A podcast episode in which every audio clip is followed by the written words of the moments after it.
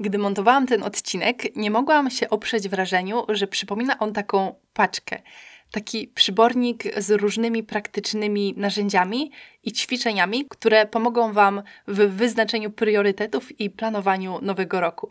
I tak się składa, że publikacja tego odcinka wypada akurat na 6 grudnia, Także zamiast czekolady do skarpety podrzucam Wam na Wasze telefony o 6 rano w Mikołajki odcinek wypchany różnymi fajnymi narzędziami do planowania i wprowadzania zmian. Planowanie roku to poważne przedsięwzięcie, dlatego zaprosiłam do odcinka Monikę Torkowską, specjalistkę od organizacji, produktywności i ogarniania życia, ale to wszystko na własnych zasadach, bez spiny i bez zajeżdżania się. Tak, by mieć czas na odpoczynek, swoje hobby, czy nawet na byczenie się z psem na kanapie. Monika łączy pracę na etacie jako programistka z działalnością online po godzinach. Na swoich social mediach oraz w podcaście Między Wskazówkami uczy, jak zarządzać sobą w czasie, żyć po swojemu i odpoczywać jak się chce. Nasza rozmowa ma dwie niezależne części, których możesz słuchać w dowolnej kolejności.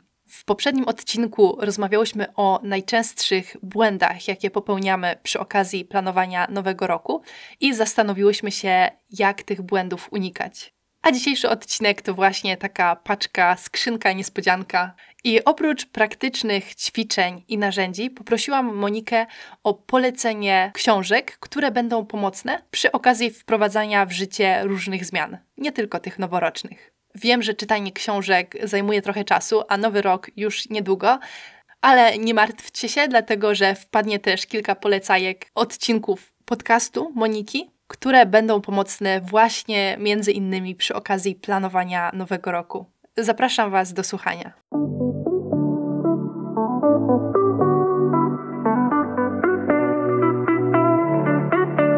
Cześć, z tej strony Julia, a to jest podcast Świat Burzy, w którym poruszam tematy związane z naturą, podróżami i rozwojem.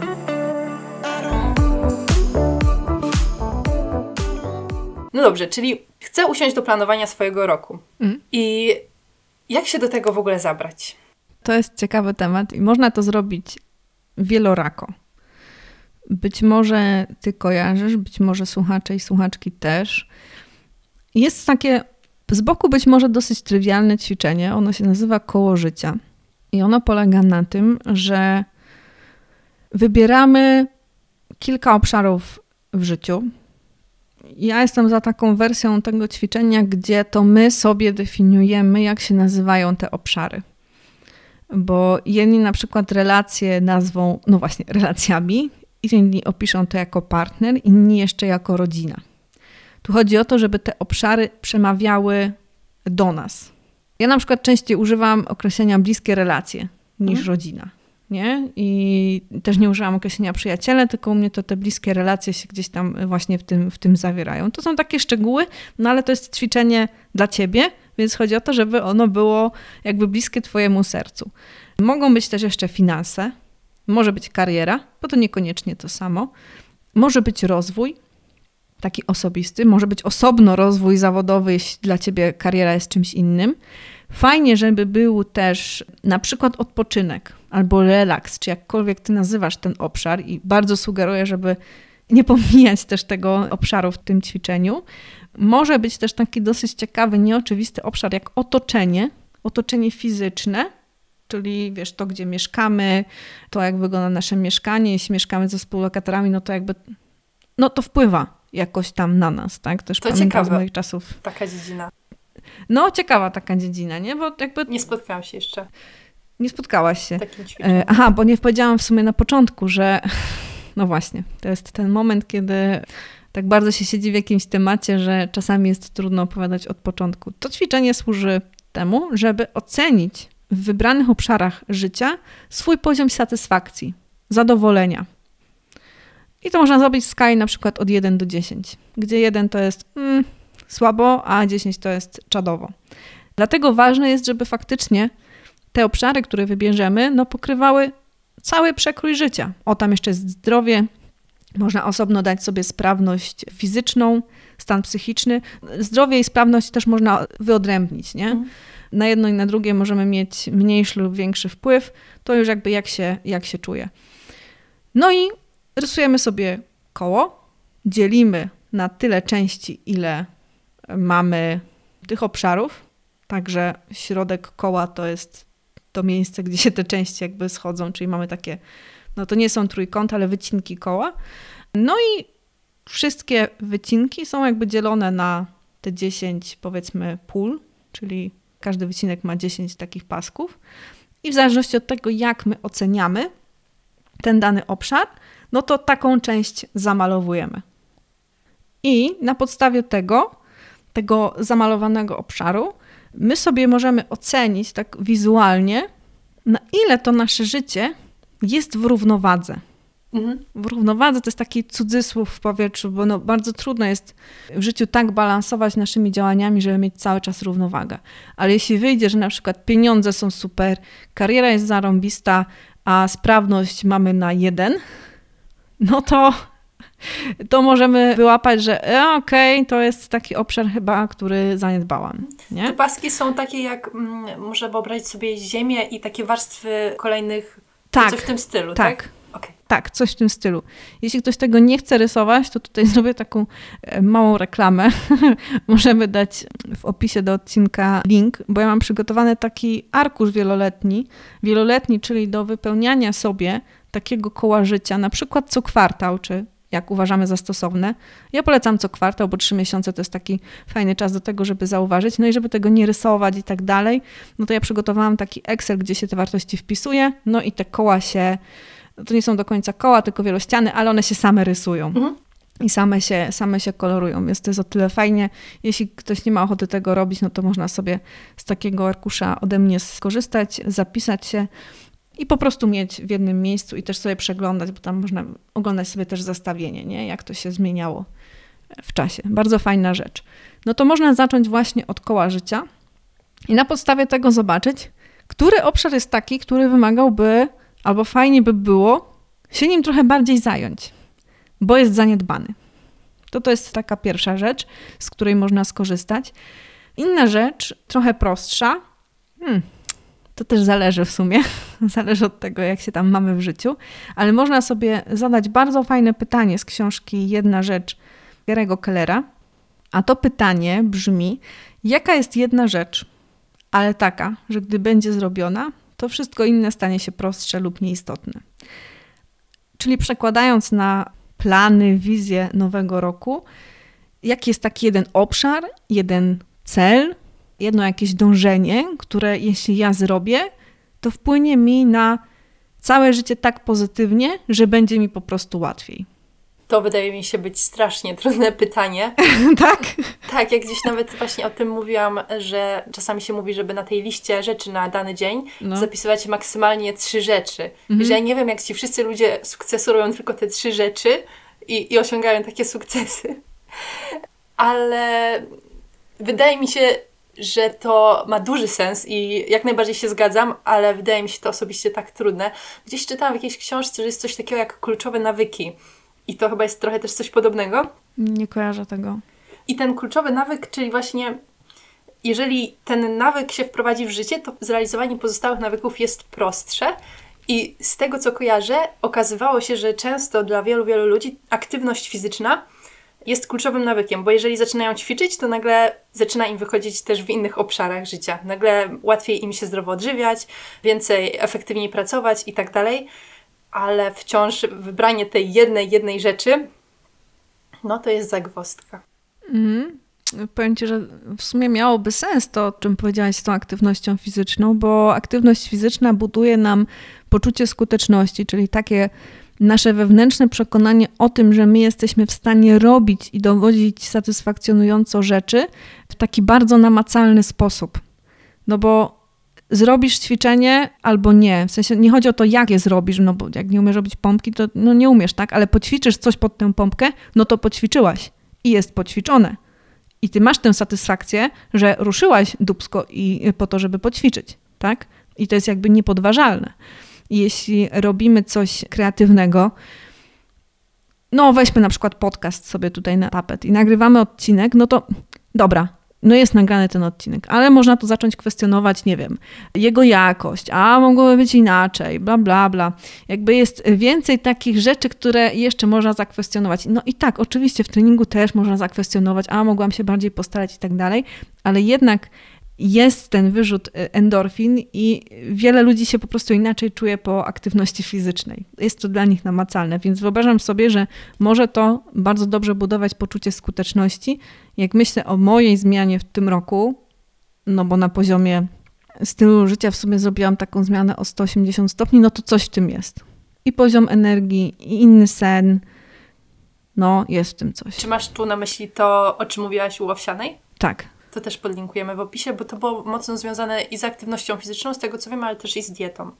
Tak, i z dietą, no bo jestem, jestem kursantką jej kursu. Mylnie według tytułu związanego z odchudzaniem, znaczy jest tam ten wątek, natomiast on w znacznej mierze się opiera na psychodietetyce, na zmianie myślenia o jedzeniu. Mm, u mnie się to związało z tym, że ja o, myśle, o jedzeniu przestałam myśleć, a to był duży temat, który mi bardzo dużo zasobów pochłaniał. No i się można bardzo zaskoczyć jak taka zmiana wpływa na, na całe życie, nie wiem, na klarowność myślenia, jakkolwiek górnolotnie to brzmi. Nawet jak teraz to mówię, to jestem zaskoczona tym, co się zadziało. No i wraz z tym przyszła też ta aktywność. I to jest zupełnie inna jakość życia. Totalnie. Czy myślisz, że mogłabyś powiedzieć, że u ciebie to była ta jedyna rzecz? Oj, wiesz co? Hmm. Trudne pytanie dałaś. Wiesz co? Nie. Jedną rzeczą, tą najważniejszą, która pociągnęła za sobą inne, to było u mnie złożenie wypowiedzenia w poprzedniej pracy. Mhm. To było jako pierwsze. Tu możemy, o, tu możemy powiedzieć o takim bardzo ciekawym efekcie psychologicznym, który wiąże się z nowym rokiem, z postanowieniami, o którym ja też wspominałam u Owsianej. To jest tak zwany efekt nowego początku. Że dużo większa jest szansa na to, że my dokonamy trwałej zmiany, zmiany z sukcesem, kiedy będziemy mieli jakiś nowy początek. Czymkolwiek ten nowy początek dla nas jest. Dla wielu osób to może być nowy rok. I taka zwyżka, wiesz, motywacji. Dla części osób to będą, nie wiem, urodziny jakieś, albo okrągłe urodziny, albo, no idąc trochę dramaturgią, rozwód, mhm. albo przeprowadzka, albo tak jak w moim przypadku, zupełnie nie byłam tego świadoma, że to tak oczywiście zadziała, rzucenie pracy, w której byłam przez 5,5 roku. I to, jeśli dobrze się tym pokieruje, czyli znowu nie zrobimy sobie tej głupiej poprzeczki po prostu wywalonej w kosmos, nie? Podejdziemy trochę procesowo, zadbamy też o głowę, trochę też strategicznie podejdziemy do realizacji tych rzeczy, no to wykorzystamy ten pęd taki psychiczny, który mamy w związku z tym nowym początkiem, no i to może pociągnąć po prostu za sobą naprawdę dobrą i trwałą zmianę właśnie wtedy, dodatkowo.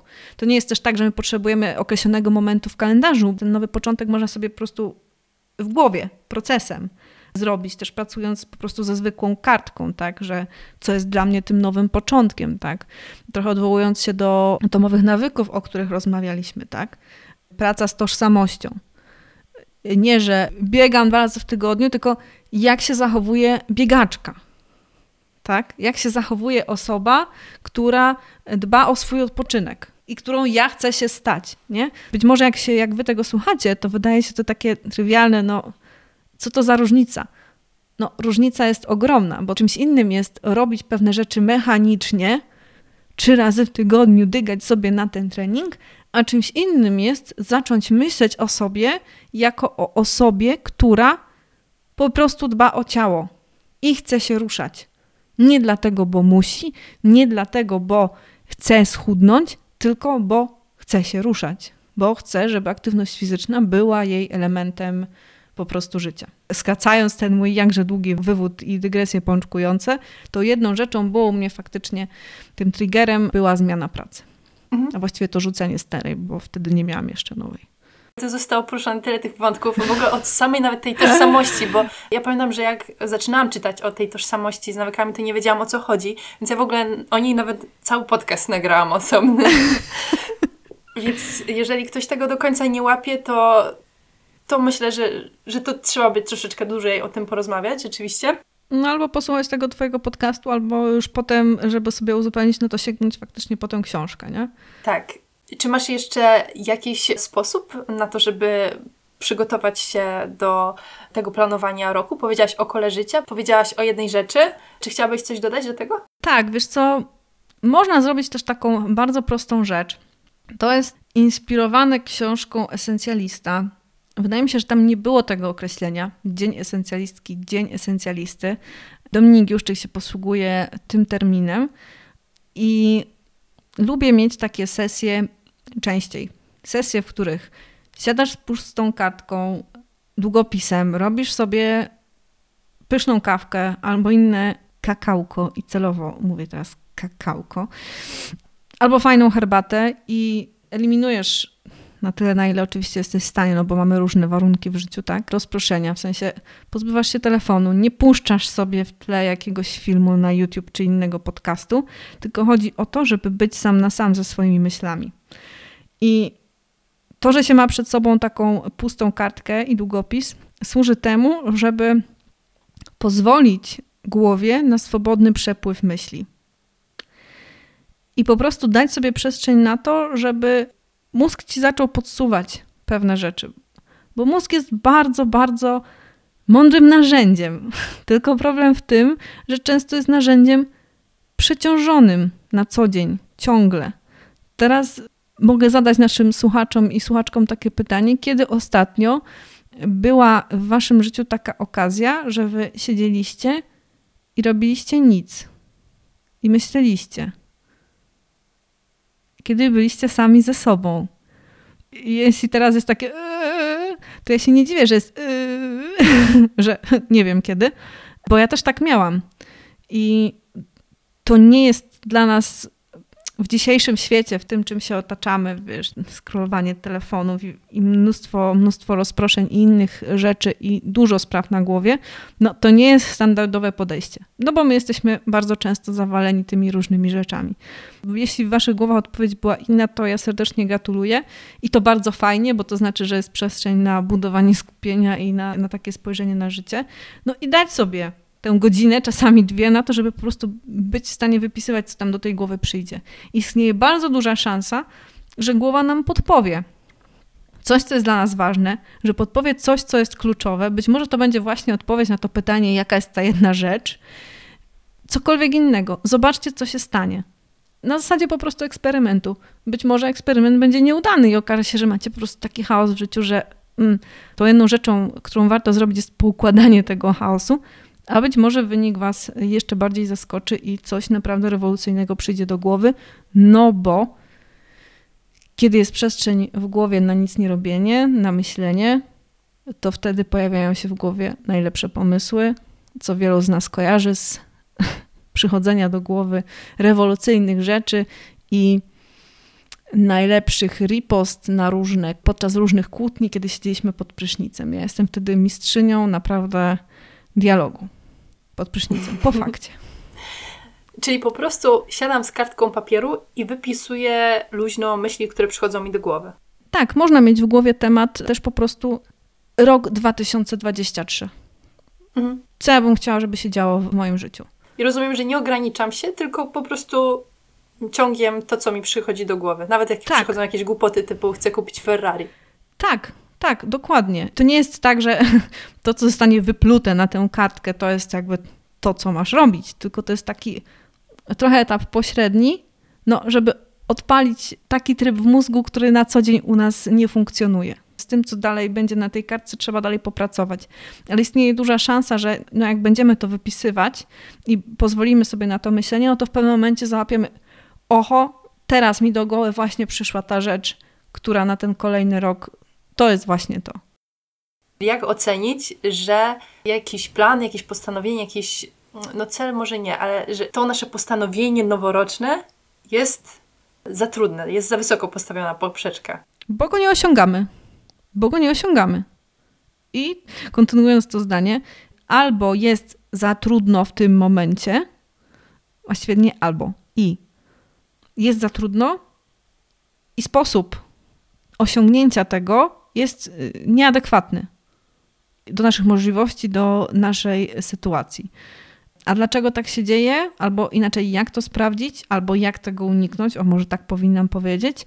No to hmm, mówiłam o tym. Godzina po pracy to nie jest to samo, co godzina, kiedy jesteśmy wypoczęci. To jest jedna rzecz. Inna rzecz, policzyć, czy my jesteśmy w stanie w naszym dniu w ogóle to przedsięwzięcie dowieść. Ja bardzo dużo o tym mówiłam w, w, trzecim odcinku podcastu. W sumie zabawne jest to, że ja, ja bardzo często wracam do tego trzeciego odcinka podcastu. to jest no właśnie z pierwszych trzeci, a teraz jest prawie 40 i e, no, takie w mojej głowie to jest takie zabawne, że to jest taki odcinek, do którego często wracam, a często do niego wracam, bo tam jest arkusz, z którego można sobie skorzystać i po prostu policzyć sobie ten czas. Jeśli ktoś nie ma ochoty na arkusz, to w bardzo dużym skrócie teraz opowiadam, jak sobie to zrobić i sprawdzić, czy my mamy na to czas. A to jest jak kubeł zimnej wody, bo ja to zrobiłam wczoraj. Jest jak kubeł zimnej wody a przynajmniej potrafi być i mam wrażenie, no ludzie się nie dzielą zwykle tym, jak to robią, a widzę, że pobierają.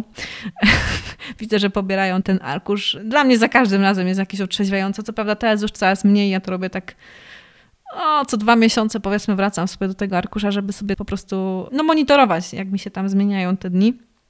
W skrócie polega to na tym, można sobie nawet teraz zrobić na kartce. Nasze tygodnie składają się też z powtarzalnych jakichś rzeczy i też z rzeczy, które są nie wiem, no po prostu wpadają. Nie wiem, ja się na przykład niedawno przewróciłam na rowerze, no to potrzebuję jeździć do fizjo na jakieś tam masowanie, gniecenie i tak dalej.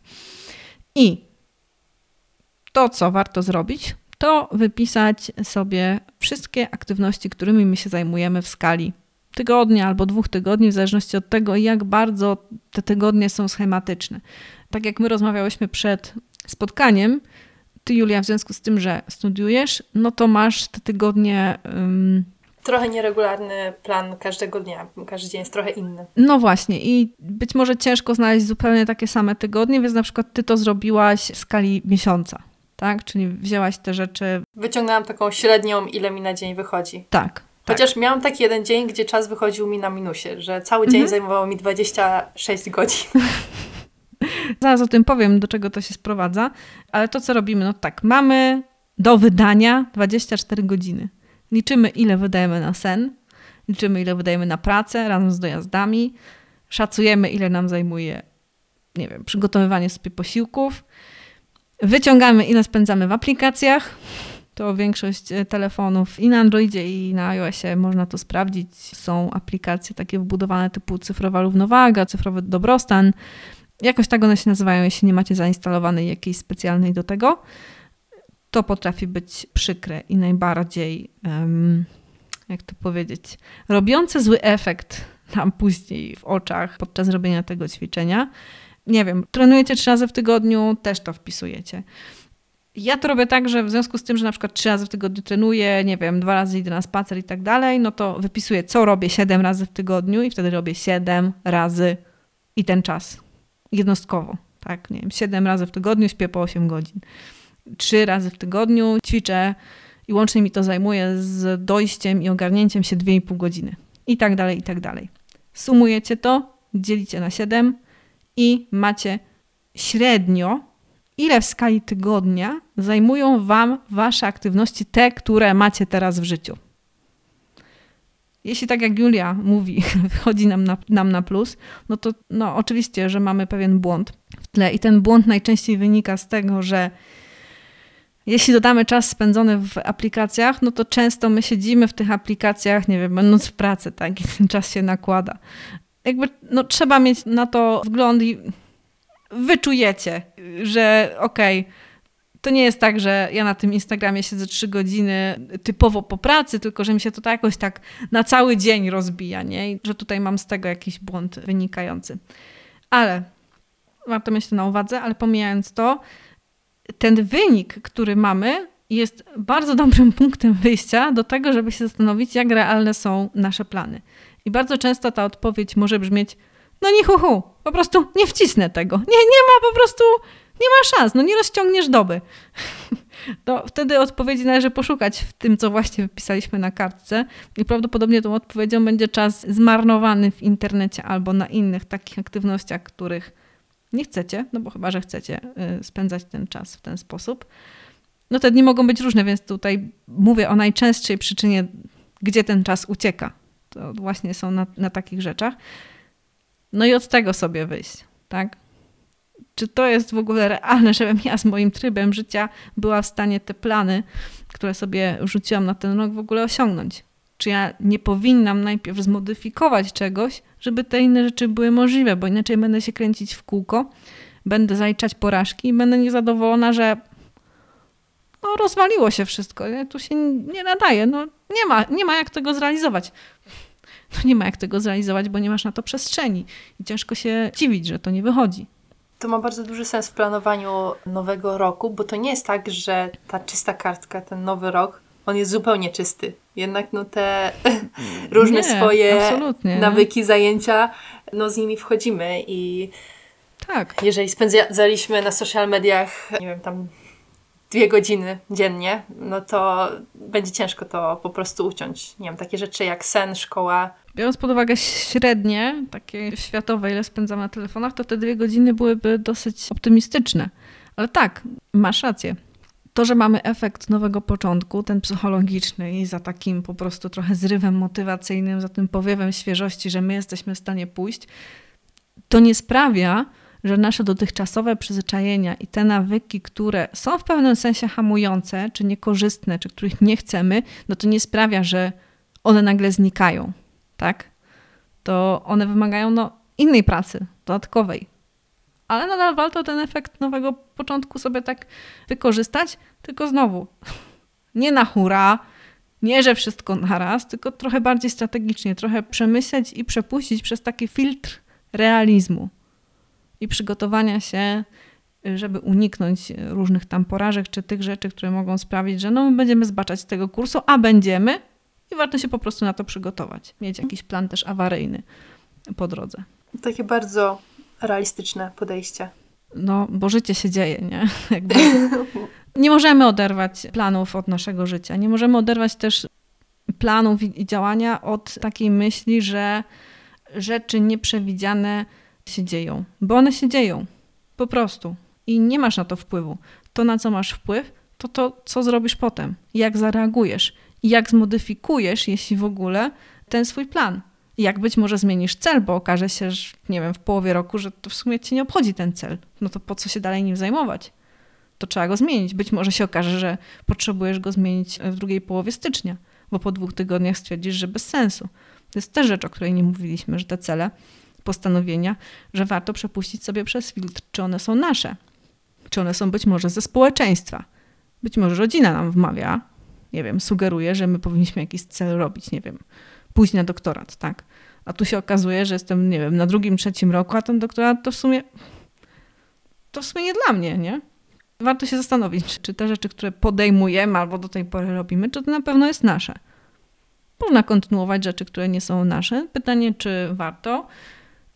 No bo nie wiem, czy ktoś ma pewność, co jest po śmierci już tak, oj, głęboko teraz już Torkowska poszła, ale jakby to, co mamy na pewno, to to, co jest teraz.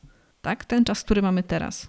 Powiem Ci, że to, co teraz poruszyłaś, to jest bardzo taki temat, wokół którego kręci się albo chciałabym, żeby kręcił się mój podcast. Mhm. I ostatnio nawet doszłam do wniosku, że minimalizm to jest coś, co właśnie bardzo pomaga mi negować, ale nie tylko czy coś kupić, czy nie, ale też różne właśnie tradycje czy normy, różne takie rzeczy, że ten nawyk negowania, który dał mi minimalizm, pomaga mi też żyć po swojemu, bo na przykład się orientuję, że no nie wiem, nie podoba mi się to. Tak jak w ostatnim podcaście mówiłam, taki przykład, który mocno dotyka wiele osób, że ja stwierdziłam, że ja w sumie nie potrzebuję pierścionka zaręczynowego. Słuchałam Mimo, że to... tego. Mhm. tak? No, bardzo mi miło. No, więc, więc to jest bardzo ważne dla mnie i dla mojego podcastu, to o mhm. czym teraz powiedziałaś. Tu można naprawdę wiele odnóg poruszyć.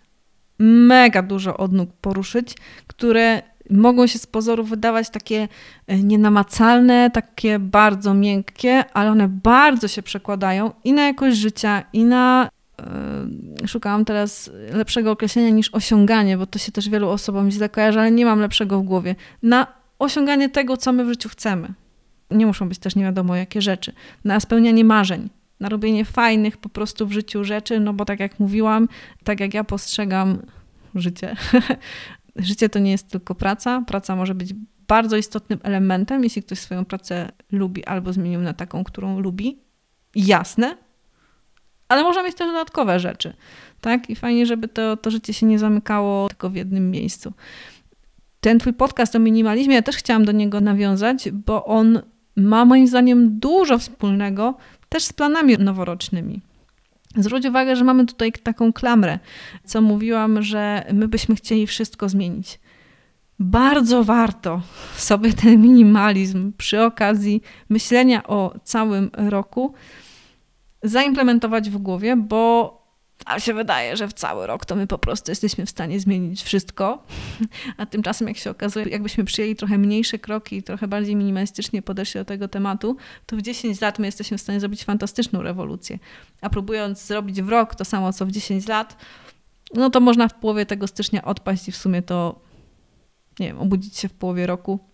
To oczywiście nie jest nic straconego, w sensie, no, da się też coś zrobić w połowie roku, mam nawet podcast na ten temat, no ale po co, wiesz, być w połowie roku z takim poczuciem, że kurna, bez sensu. Czas przeciekł mi przez palce. Szkoda życia.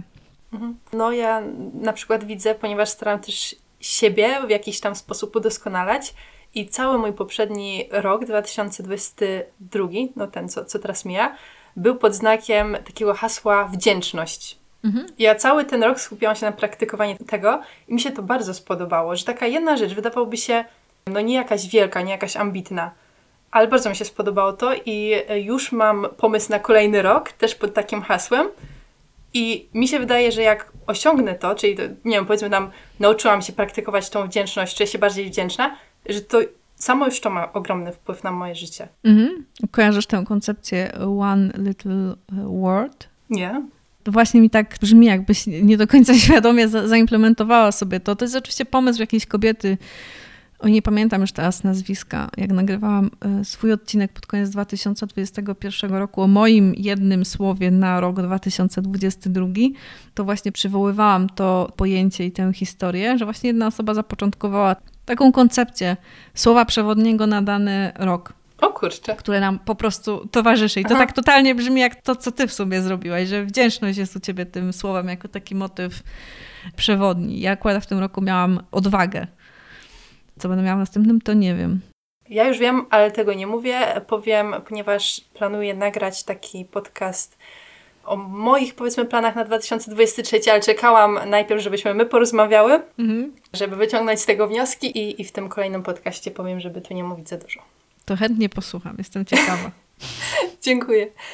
Dobra, mam wrażenie, że po prostu tyle tematów poruszyłyśmy i tak daleko popłynęłyśmy. A czy masz może jakieś książki, które byłyby warte polecenia w tym temacie. Mhm. Atomowe nawyki to już padły. Mhm. po drodze też wspominałam o. Mm, nie, tam wspominałam o książce jedna rzecz, ale to nie ją teraz mam na myśli. Mam na myśli książkę Esencjalista. Bardzo dobra książka, która będzie trochę odpowiedzią na tę Twoją wątpliwość, czy no może źle to nazywam, ale na to, że trudno jest wybrać te najważniejsze rzeczy. Okej. Okay. Nie czytałam. Bardzo Ci polecam. Ja ją czytałam w zeszłym roku, w tym roku też częściowo, jeszcze nie skończyłam jej czytać drugi raz, ale zaczęłam ją ponownie. To jest dla mnie książka 2021 roku. Po jej przeczytaniu zrezygnowałam z pewnego projektu, który no, był takim projektem pobocznym. Miał mi przynieść e, pieniądze, potencjalnie niezłe pieniądze, i to była współpraca z kimś, i ja z niego zrezygnowałam po lekturze właśnie tej książki, mhm. bo stwierdziłam, że to nie jest dla mnie. W sensie, tam było takie fajne zdanie. Jeżeli nie możesz czemuś powiedzieć zdecydowanego tak, to warto powiedzieć zdecydowane nie. Mhm.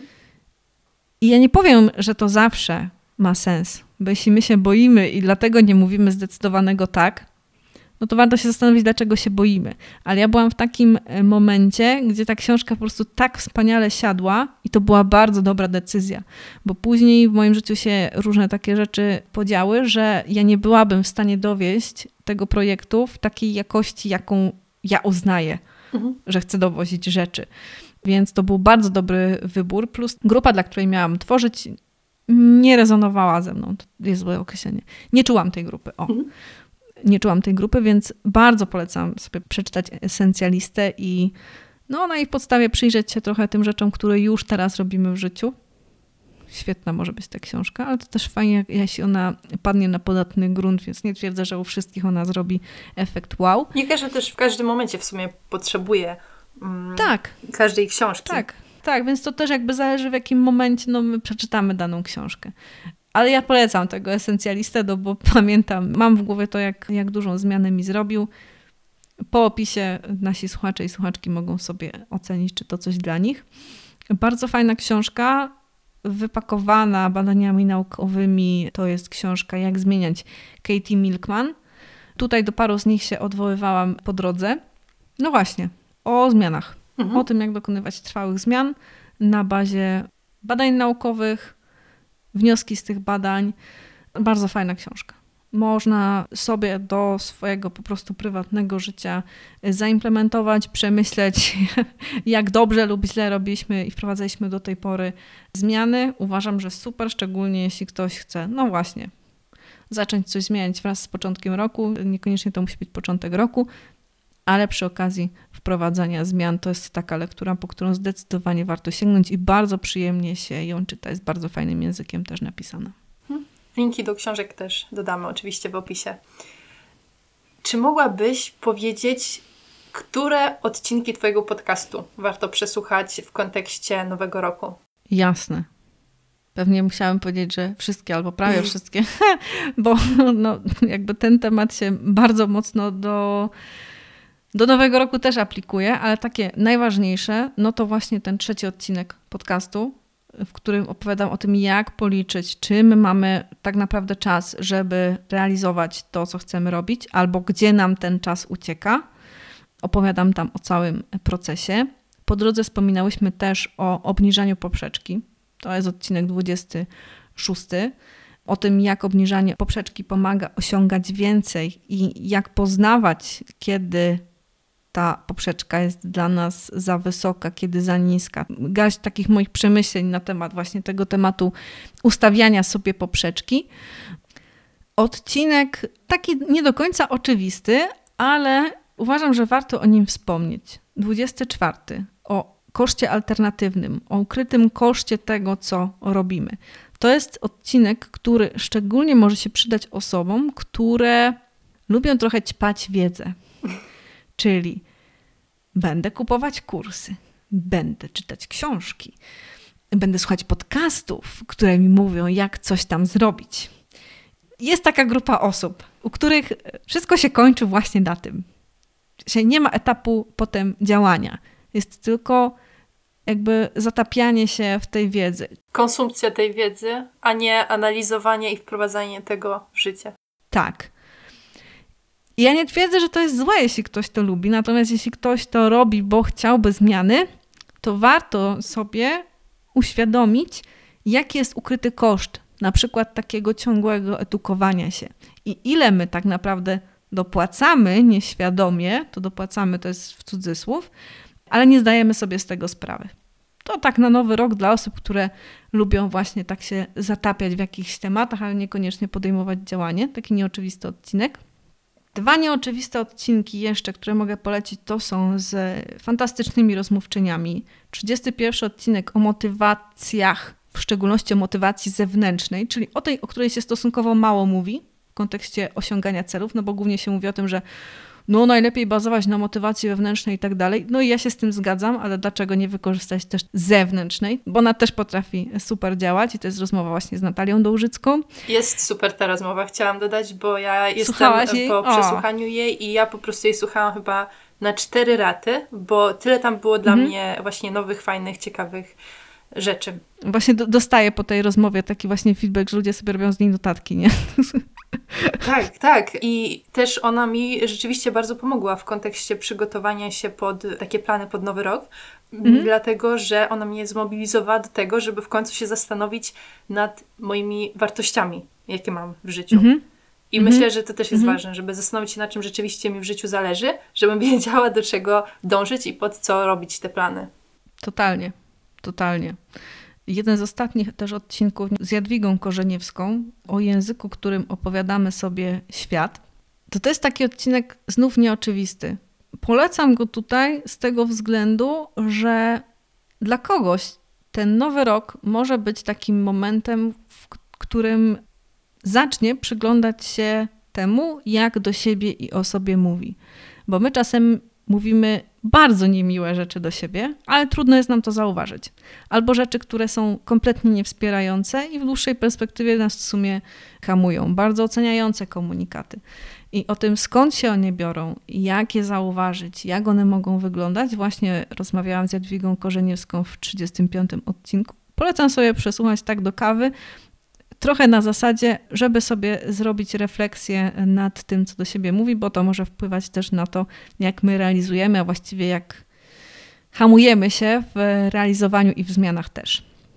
No i na koniec zeszłego roku, to jest nadal aktualny odcinek, 11 o alternatywie do noworocznych postanowień, czyli takim podejściu bardziej projektowym, a nie życzeniowym, czyli że ja postanawiam teraz coś nowego, no to nie. Jak można na to bardziej spojrzeć projektowo, to odcinek 11 też można przesłuchać i, i wyciągnąć wnioski. Mhm, super. Albo proces od razu. Dzięki. Jeszcze jedna rzecz, bo powiedziałaś na początku o kursie. Ja Cię w końcu nie zapytałam, o czym ma być ten kurs i mi cały czas po głowie chodziło, co to ma być za kurs. Jeżeli możesz powiedzieć. Mogę powiedzieć, no to już będzie wkrótce ogłoszone.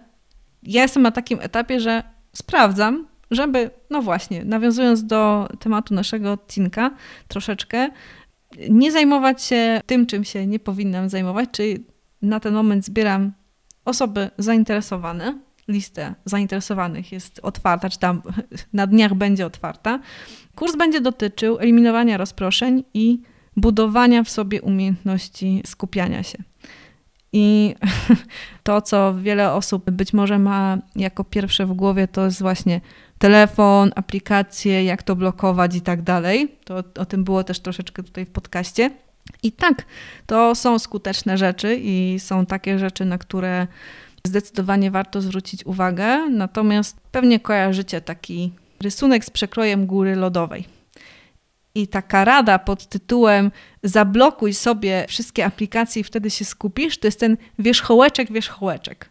A my jeszcze mamy całą górę, tę, którą widać nad taflą i jeszcze masę pod. W sensie nad skupieniem się pracuje wielopoziomowo, bo chodzi o to, żeby to było skuteczne i długofalowo i tak no dogłębnie po prostu. To nie jest tylko kwestia aplikacji. Więc to będzie właśnie kurs o tym, jeśli macie ochotę, to na monikatorkowska.com ukośnik skupienie myślnik zapis. Można się dopisać totalnie niezobowiązująco do tej listy, to tylko daje mi jakby ogląd na to, ile osób jest zainteresowanych, czy to jest w ogóle temat, nad którym warto się pochylić, czy to jest realny problem. Z ankiet, które do tej pory moi odbiorcy wypełniali, no to ciągle się po prostu jako top problem, jeśli chodzi o produktywność, to się pojawia rozpraszanie się, trudności w skupieniu, koncentracja non-stop. No ale to już jest typowe takie już bezpośrednie wezwanie, hej, chcę zrobić taki kurs, czy wy to chcecie, czy w ogóle to ma sens, żeby Torkowska siadała i robiła, bo to chcecie i chcecie sobie to rozwiązać. Jeśli tak, to serdecznie zapraszam. Mhm. Myślę, że dodamy też link w opisie, żeby łatwiej było trafić. Wszystkie linki tam mhm. E, pododamy do rzeczy, o których mówiłyśmy. Trochę ich tu było. Tak, też do Moniki na social media, na Instagrama. Tam właśnie widziałam, jak pokazujesz jak rysujesz takie kreski w momentach, kiedy jesteś rozproszona. Tak. Bardzo fajne rzeczy są. Ostatnio było monitorowanie właśnie rozproszeń, o dwóch takich metodach na monitorowanie rozproszeń. To też jest jedna z takich technik stosunkowo prostych, ale jak się to dobrze zrobi, to już samo monitorowanie rozproszeń wpływa pozytywnie na poziom skupienia. Mhm, mhm. Bardzo nieoczywiste, warto to robić. Bardzo fajny temat i chętnie go wezmę na tapetę w najbliższym czasie, bo to jest coś, czym rzeczywiście się jakoś specjalnie nie zajmowałam. Bardzo Ci dziękuję, Monika, że zdecydowałaś się zagościć w podcaście Świat Burzy i podzielić się swoją wiedzą i różnymi fajnymi wskazówkami. No i mam nadzieję, że jeszcze do usłyszenia w jakimś odcinku. Ja też bardzo serdecznie dziękuję za zaproszenie i myślę, że zdecydowanie do usłyszenia.